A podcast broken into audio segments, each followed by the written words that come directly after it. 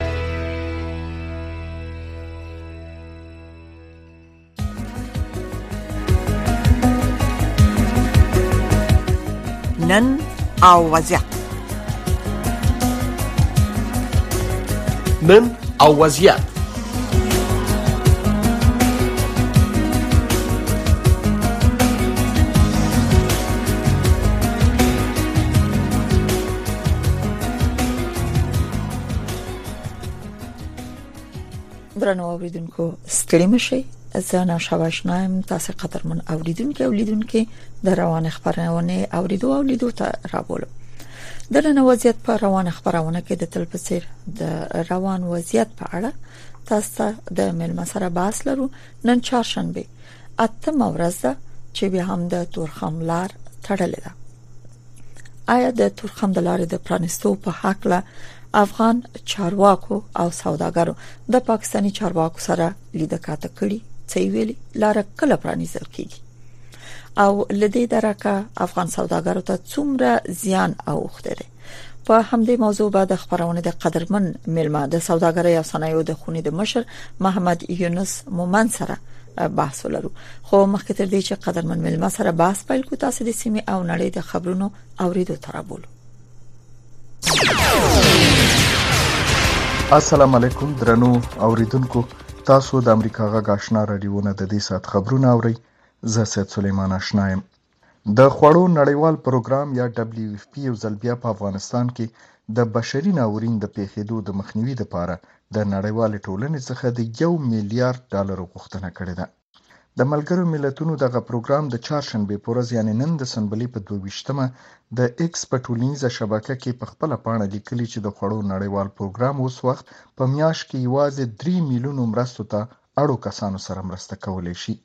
د خوړو د نړیوال پروګرام یا ډبلیو ایف پي د افغانستان د دفتر مشرې شا وو ویلي ویلي دي چې په افغانستان کې د ژمي د موسم د پیلېدو د مخه هغو کورنیو سره د مرستو د چمتو کولو لپاره وخت په چټکۍ سره مخ په خلاصېدو دی چې د مالي منابعو د کمبود له امله دا پروګرام ورسره اوس وخت مرسته نشي کولی او د راروان ژمي په موسم کې به یې د واورو د اورښت له امله د هغوی د سیمو لارې هم بندې شي.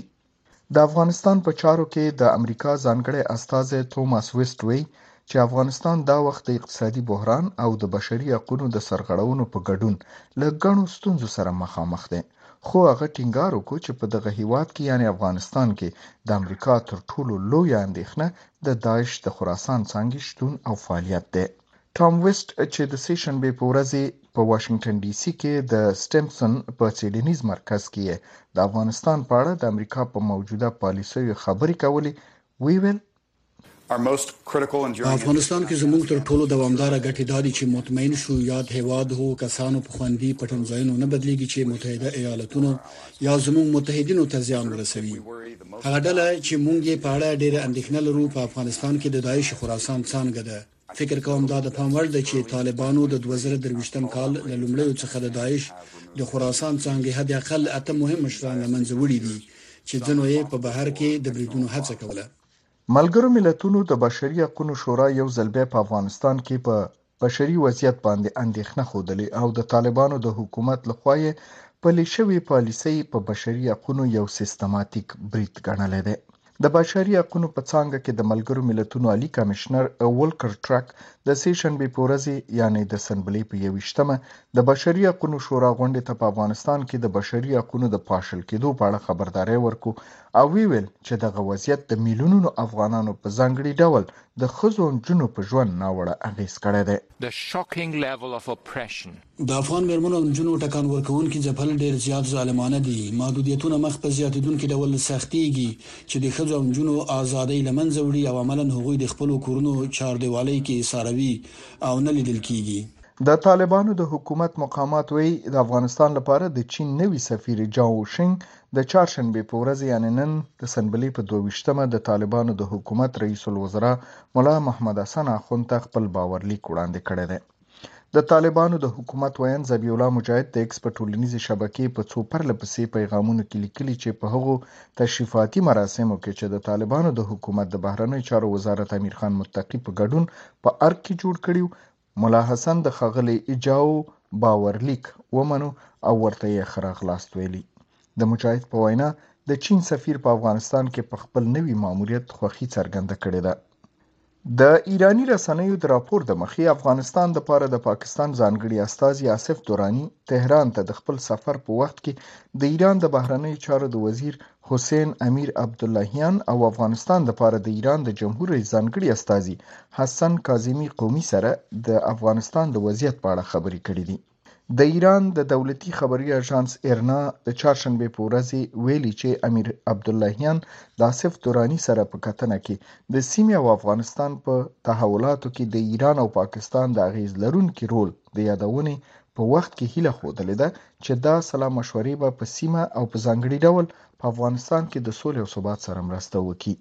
تاسو د امریکا غږ آشنا رادیو نه د افغانستان سیمې او نړۍ خبرونه اورئ د امریکا د استازو مجلس مشر کیوین مکارټي د سې شنبې پر ورځ د جمهور رئیس جو بایډن استیزا کېدو په اړه د پلټنو اعلان وکړ چې معلومه کی آیا هغه د بهرنیو هیوادونو څخه د خپل زوی هنټر بایډن د کاروبار څخه ګټه اخیستې کنه د استازو مجلس مشر په خبري کانفرنس کې داسې وویل مونږ په خپل پلټونو کې وموندل چې ولسمشر بایدن سره لدې چې خپل خبر دی د امریکا خلکو ته د خپل کورنۍ د بهرنیو سوداګریزو معاملو په اړه درواغ ویلي د سپینې ماڼۍ ویان ایان سامز د دې تحقیقاتو په اړه په ټویټر کې لیکلي چې د استادو په مجلس کې جمهوریت غوښتونکي د نه میاشتو را په دې خوا د جمهور رئیس په اړه پلټنې کوي خو تر اوسه یې د ناسمو کړنو په اړه هیڅ ډول شواهد نه دي ورکړي د روسیې جمهور رئیس ولادمیر پوتین د روسیې په ختیځ کې د شمالي کوریا د رهبر کیم جونګ اون سره مخامخ لیدنه کړې. جنوبي کوریا او امریکا خبرداری ورکړی چې ښایي دواړه لوریو د وسلو پر انتقالولو هوکړه کړې اوسي. د روسي رسنیو په قول د ولادمیر پوتین نه پوښتنه شوې چې آیا مسکو د سپوږمکۍ په جوړولو کې د شمالي کوریا سره همکاري کوي که نه؟ پوتین په ځواب کې ویلي چې دوی د همدې مقصد لپاره مجلس کړی او شمالي کوریا رهبر غواړي چې فضایي توغندي جوړ کړي. امریکا او جنوبي کوریا یو ځل بیا شمالي کوریا ته خبرداری ورکړی چې روسیې ته دې د وسلو د ورکولو نه ډډه وکړي چې د اوکراین په جګړه کې ترې استفاده وشي. د شمالي کوریا مشر ویلي چې مسکو به د اوکراین سره په جګړې کې لویه بریا ترلاسه کړي. او د امریکا د بهرنیو چارو وزارت د دوه زره درویشتم کال د هنرونو نړیواله جایزه اعلان کړه. د امریکا د جمهور رئیس میرمن جل بایډن د هنرونو د نړیوالو جایزو د ویشلو مراسمو کې کوربنه ده. د بهرنیو چارو وزارت نن چهارشنبه په عمومي خپره شوې اعلامیه کې لیکلي چې د یاد وزارت د سفارتونو هنري څانګه به ټوني ابیتا، شیلا هیکس، روبرت پروت،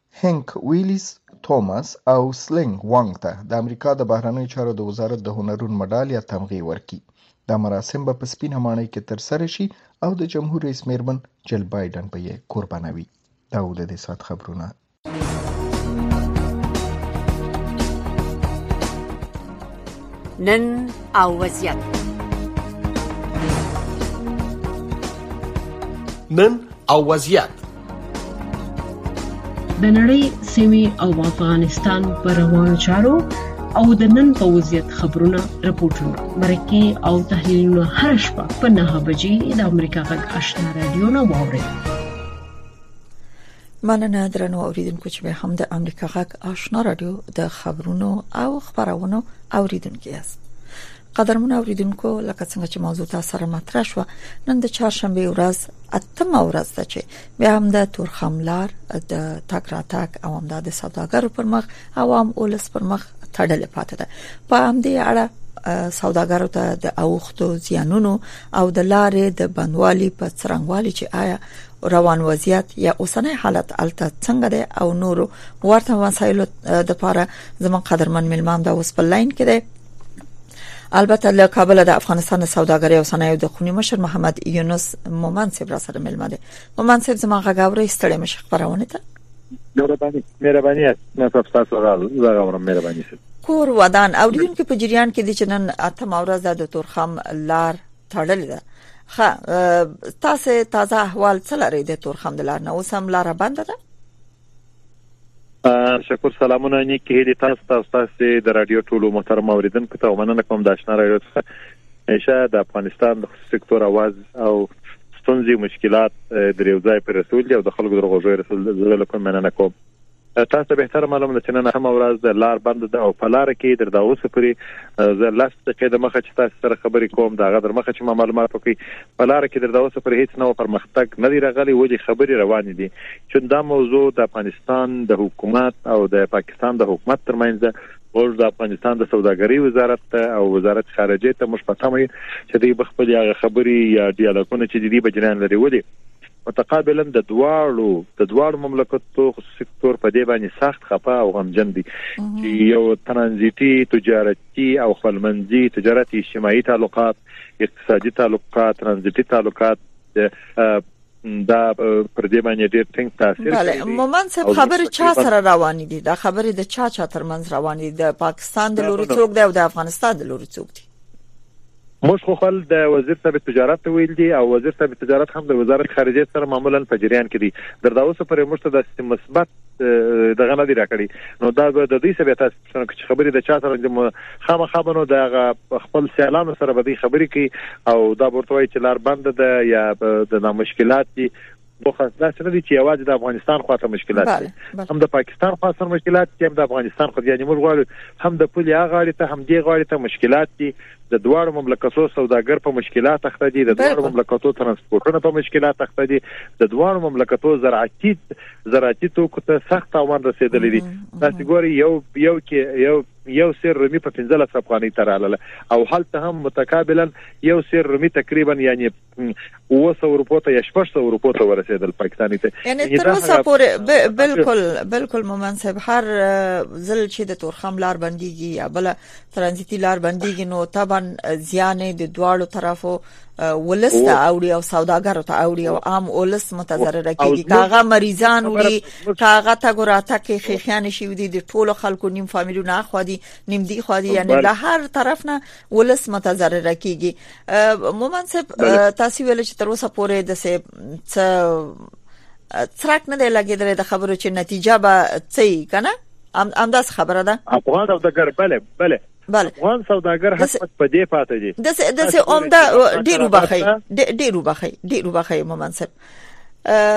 د دې دروازې د تړلو علت د یوې پوستې جوړول د افغانستان په خاوره کې دی خو د د پوستې جوړول ګڼل شوی چې د پاکستانی لور نه په دځې شوی وي او د دې دروازې د بندیدو علت اماغه شخړه و چې اول اقدام د پاکستان لور شوی اوس دغه دروازه چې بنده شوې ده دا د چا له لوري بنده ده دلته خو نظامی برخورد شوی دروازه د چا له لوري بنده ده آیا اوس چې د تجارت وزارت سره د غاړې خبرې کیږي د دوی زور به ورسیږي چې دروازه پرانیزي کنه موضوع د دې نام پورته هغه د پښتنو یو متل دی وکړار د سپرو مرکې کته دا وایزما د شی وای چې زه کوم دروازه بنده ده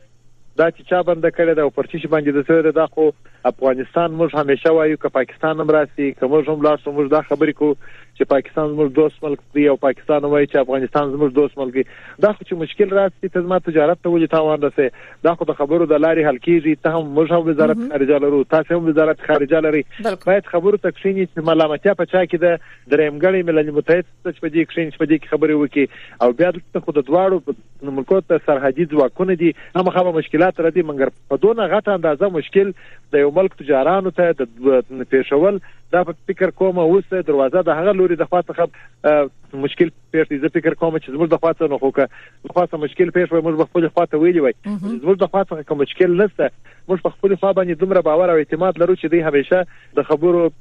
لار لار خپلې او ګوري یا یو پوسټه جوړېدل دا خو په معلومیږي په یو څه کې چې د یو چا پر کور دوام سایګان دي د یو چا د کور پر ترزو کې او ته به هم قواله لري زه هم لرم سره راوي واسو چې دا ځای سادي دا زما زما دي ولې دومره ترانزیت مشکل را پېښول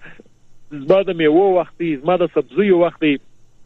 کستا او خاطر روان دي او تیر تر زه فکر کوم افغان سوداګر په دې حق پک پاتې سوي دي چې موږ ته تقریبا درې میاشتې تر مخه د پاکستان لوري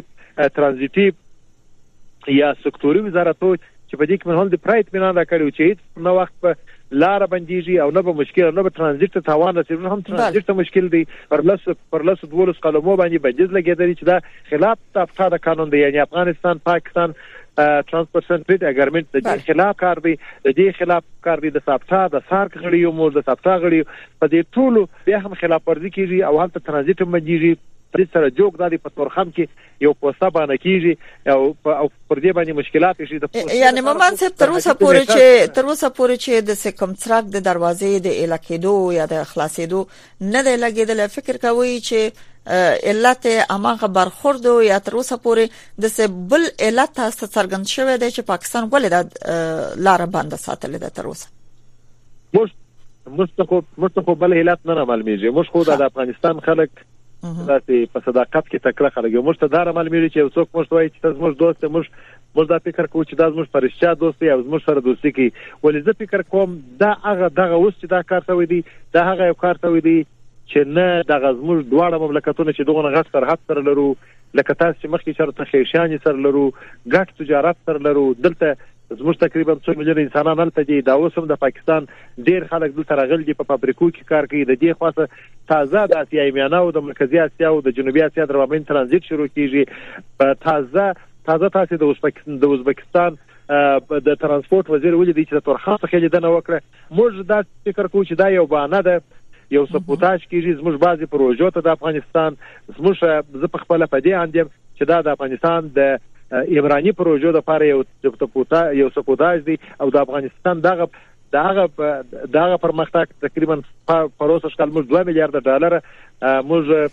موږ تقریبا صادرات کړي وو د غو د پاره یې سپوداج دي اصلي خبره دا چې د ګور چې دا تاسو خپل مې کوي یعنی د دغه کاناډا او د امریکا در مابین به مشکل نه پیښیږي یعنی د دغه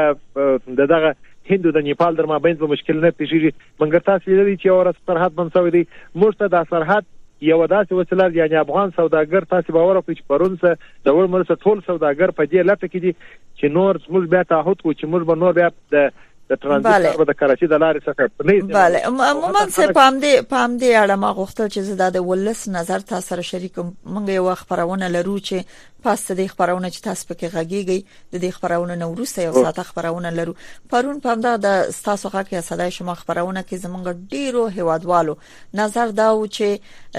اول خدا چې وای پاکستان قصدي د میوو د پخېدو په وخت کې د تورخم لاربندۍ چې تیرو کلونو کې دا تجربه شوه دا نظر و دې کوم تاسو نظر اخلم چې آیا هم دا یو څه تاسو درکړي چې د کار تجربه تاسو څخه بل دا چې وای افغانستان سوداګر دی یا حکومت دی یو بدیل لار ولټي چې نور د صادراتو په برخه کې د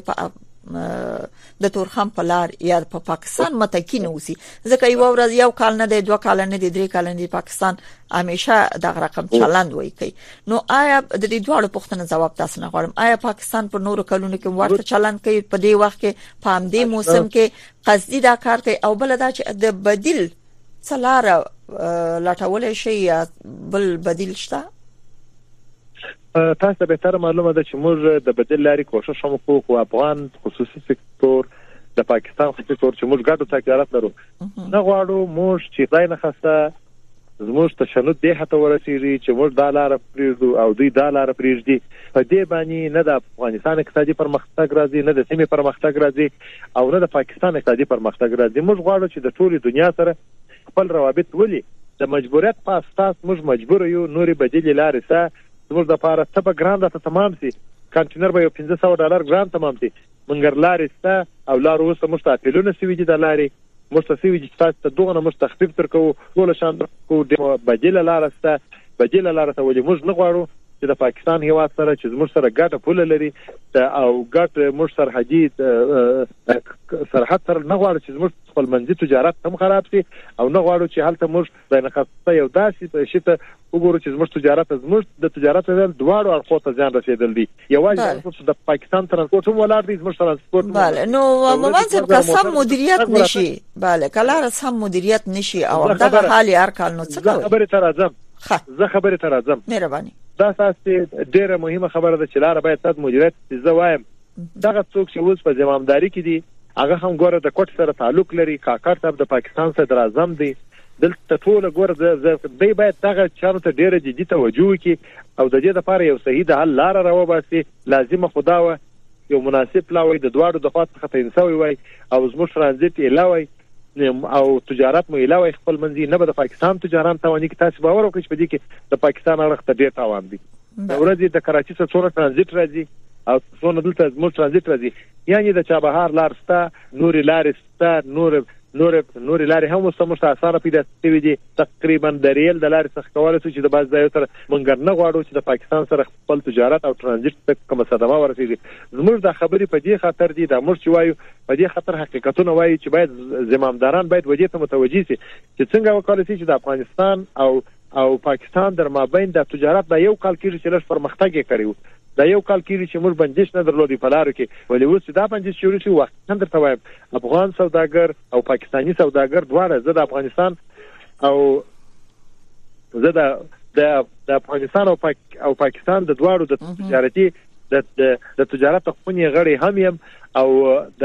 جنوب د برخې مسولیت هغه کې زما دی د بک د د ټولو مسولیتونو زموږ سره شریک دي موږ دواړه د یو بل ګټو ته سخت احترام لرو موږ غواړو چې په داسې سیمه کې په داسې سیمه کې که غواړو چې موږ مشکلات ته مابین ځو یو موږ باید د افغان سوداګر او پاکستاني سوداګر ته دواړه باید حکومتونه په ډیر احترام ګوري تاسو باور وکړئ د یو ترانزیت موټر چې د پاکستان راځي او د افغانستان څخه موږ دا ټوله دا دا ټول چې موږ دومره خاص همکاري ورسره کوو چې موږ اول دې ته نوبت ورکړي چې دا لار دې استعمال کړي یا د ازبکستان ترانزیت راځي چې پاکستان ته دي په دې خاطر موږ په دې درکېږو چې پاکستان 2 میلیونه 2 میلیونه ټن پنبه جنوبي اسیا ته ورکړي کدا د افغانستان د لارې کیر سیستم د افغانستان د لارې پیدا ده هم د پاکستان د لارې پیدا ده بله مومنت مومنت هم د غستاسو حسن نیت ته پکاتو چې افغانستان همیشه حسن نیت خودلې ده اما شکایت همیشه د پاکستان نه و چې په قراردادونو په توافقنامو یې پیسې پاغه ژمن نه دی پاتې شوی دی مسایلو ته په هر صورت اوس دغه فل حال هم د اوسنی وضعیت کې چې په سلګونو لارېګان د تازه میوو او په ترکاري بار ولاړ دي څومره زیان سوداګر ته اوخته افغان سوداګر ته او بل پښتنه مې ور سره ده دغه مالونه خو ته بنالته ګرمي ده سورمر ده او راستکیږي خرابيږي په دې څو کړل سوداګرو تاسې ویډیوګانې ټوله ولیدلې تاسې ویډیوګانې ټولې ولیدلې چې زموږ باندې بانجان رومي بادرنګ تازه میوه هغه چې په کول سټوریجو کې وه هغه هم راووتل او بازار کې په لیلام باندې خرڅوله کشمش سوداګرو زیاتره هغه په خپل باغو کې بزړی کشمش په دین جوړي ولې د تازه میوه د سبزی سره موږ هوغنده د کول سټوریج یا کول سټوریجونه نه لرو چې زموږ د دغه د ډیرو جنسوت ته کاپ کې او هلته په پاکستان کې هم سخت را دي دغه شانو ته یعنی کوشش پر دې روا دي موږ هغه بیا هغه خپل خبرې ته راځو موږ هم په تیر شلو کالو کې ونه تمنېدلو یو غټ کول سټوریجونه جوړ کو او خلک څنګه دغه څخه استفاده وکړي یا موږ خپل طبي کول سټوریجونه څنګه فعال کو مشکلات مشکلات ډیر دی ولې مشکلات موږ به موږ به دې چې موږ به دغه مشکلات څخه باید بیا درس واخلو کچیر دغه مشکلات څخه موږ درس وانخلو خپل زراعت زراعتي کولتورجونه زموږ وزارت محترم زراعت او نور اړوند اړوند مراجع دي ته خاصه توجه ونه کی دا به زموږ لپاره بیا یو مشکل وي موږ باید دغه سي مشکلات چې موږ سره پاتې دي درس نیو واخو او آینده ته باید خپل پلانینګ باید بله دغه رسیدلې تاوان څنګه جبرانی دي شي خصوصي سکتور خو زنه پیغام څومره سبسایډایز کیږي او ویم چې څومره ورسره حکومت د طالبانو حکومت مرسته کولای شي آیا د جبران د لپاره څه تاسو تماس نیولې ده د طالب چارواکو سره چې بازګرانو سره یا سوداګرو سره باید څه کومک وشي دا خساره قابل د جبران ده تاسو ته بهتره معلومه ده ګوره چې تاسو د افغانستان یا د افغانستان یو سره یو کال خاري کاږي کاږي دغه موسم ته بالکل یا یو دی وی یو دی لاسه د کورنۍ بچان وی او د دې لپاره د خاري کاږي چې یو باغ میسي باغ بیا یو سوداګر د نیرانی سي دا درا وخت پورې د د د د بزګر ته پیسې نور کی چې د مال ته خرڅ بیا راځي بیا برته پیسې پر تقسیمي ولې چې ګورم په اوسنی حالات کې دنیا هم د افغانستان سره د افغانستان د خصوصي سکتور سره داسې چلند دی چې پر موږ باندې بندیزونه ستا تر اوسه پورې هم انتقالات د پیسو مو باندې پیسې مون جمع دي او د افغانستان د اوسنی عواید چې دي دا خو موږ ته تقریبا را معلومیږي د دې دغه تکافو زه فکر نه کوم چې د دوغه نه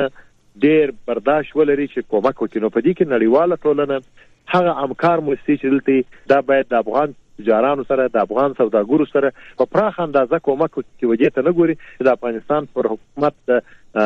مثلا یا باندې ونه کی چې په رسمیت نه دی پیژندل شوی هغه دی او دغه دی چې دا کومک ونه کی تاسو به تر معلومه ده چې یو باغ په شمالي کې یو جریب باغ دی څلور رونه په شرکان دي او دا روړ څوار لس څوار لس ځامن دي کندهار په ارغنداب کې یو باغ دی یو باغ دی لس کس په شرکان دي لس رونه دي نو د دې لپاره باید کومک کوسي د افغانستان ټول سیمې دغه رقم دي ټول سیمې دي کچیر کومک ونسي د فکر کوم په افغانستان تجاران د اکثر مخامخ کی اړوند ادارې کوي مومن صاحب د خبرونه ورستۍ شي بیري bale غواړم دوه پښتنې راته لاندې جواب کړي اول دا تاسو مخکې ویل چې د حالت نه باید درس واخلي خصوصي سکتور خو یا د افغانستان حکومت چې هر څوک حاکمي دا اول ځل نه دی چې د تورخم لار د سوداګرو په مخ یا د تګ راتګ د عام ولس په مخ دا بنديږي اوس دغه مسله څومره خصوصي سکتور او اوسنی حاکمیت جدي نیولې ده چې د یو درس په توګه راتلونکي د پاره یو څه تجویز ونیسي د حالاتو کې زه فکر کوم پر دې باندې د افغانستان د سوداګرۍ وزارت او صنعت وزارت د افغانستان د وزارت او سرمایه گذاري په مشوره او زموږ اړوند نوري ادارې کاغه وزارت محترم زراعت دی نور اړوند ادارې دي په دې باره کې به دوی درداو سفر خو موږ په دغه اخته چې کلار خوشی سوله او کچیر لار خوشی نشي نو موږ مجبور چې د دې لپاره باید د کال د لپاره باید حتمان پر یو ستراتیژیک دغه د د دغه په اصطلاح د دې د ساتنې لپاره یا د سکیورټي لپاره باید موږ د خپل میوه لپاره باید یو خاص پروګرام ولرو چې څنګه وکولای شو چې زموږ میوه ترسي پارس ماجور حالت لپاره چې غیر مترکبه حالت شي د دې لپاره باید موږ څنګه خپل د میوه سره باید چلن وکړو او د خپل کارو په مخ کې باید کم چلو مومن صاحب ورسته پښتنه په توګه تاسو سره د دې چې تاسو په خپل خبرو کې ویل چې تر اوسه پورې کوم څرک نه دی لګیدل د تفاهم یا د لارې د خوشی کېدو یا د دواړو خواو د خبرو نه کومه نتیجه نه ده راغله بیا هم څه فکر کوئ چې د تورخم لار به کله یاله شي څومره ورته هیله لري د څه وخت لپاره زه فکر کوم هغه څه چې پیشګویي زه پیشګویي نه سم کولای ولې زه وجه ته ان شاء الله انتظار یم چې دوی به هم د موږ همسایه ملک به هم وجه ته به دی به دغه نقطه ذکر کې چې حالت د دې ته هم تاوان رسیږي او مشته هم رسیږي او هم د افغان حکومت څخه مو هم د خپل ډیالوګ او خبرو ته د میز د لارې ادامه ورکړي او څنګه وکولای شي چې د لارې لاسي ولی زه درا وخت پر پیشګویی نسم کولی چا لار به سبا ایلاسی بل سبا به ایلاسی ارزو لرو چې ژر تر ژر پوری د افغانستان او پاکستان په مابینس کې د تجارانو خپل منځي ترک راتک پیشته حتی یو دا پیښه چې پر امبولانس کې ماشوم پروت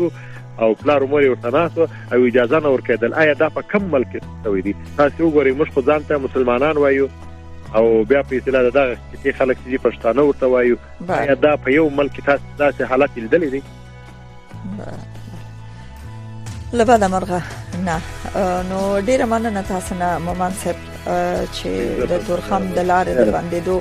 په لاملونو اوسنی وضعیت او سوداګرو ته د او زیان او نورو مسلو اړوند مسلو په اړه د امریکا غاټ آشنا رادیو په نن او وضعیت خبرونه کې وغږیدي ساس د کور ودانې د جوړل کومې تاسو نه مننه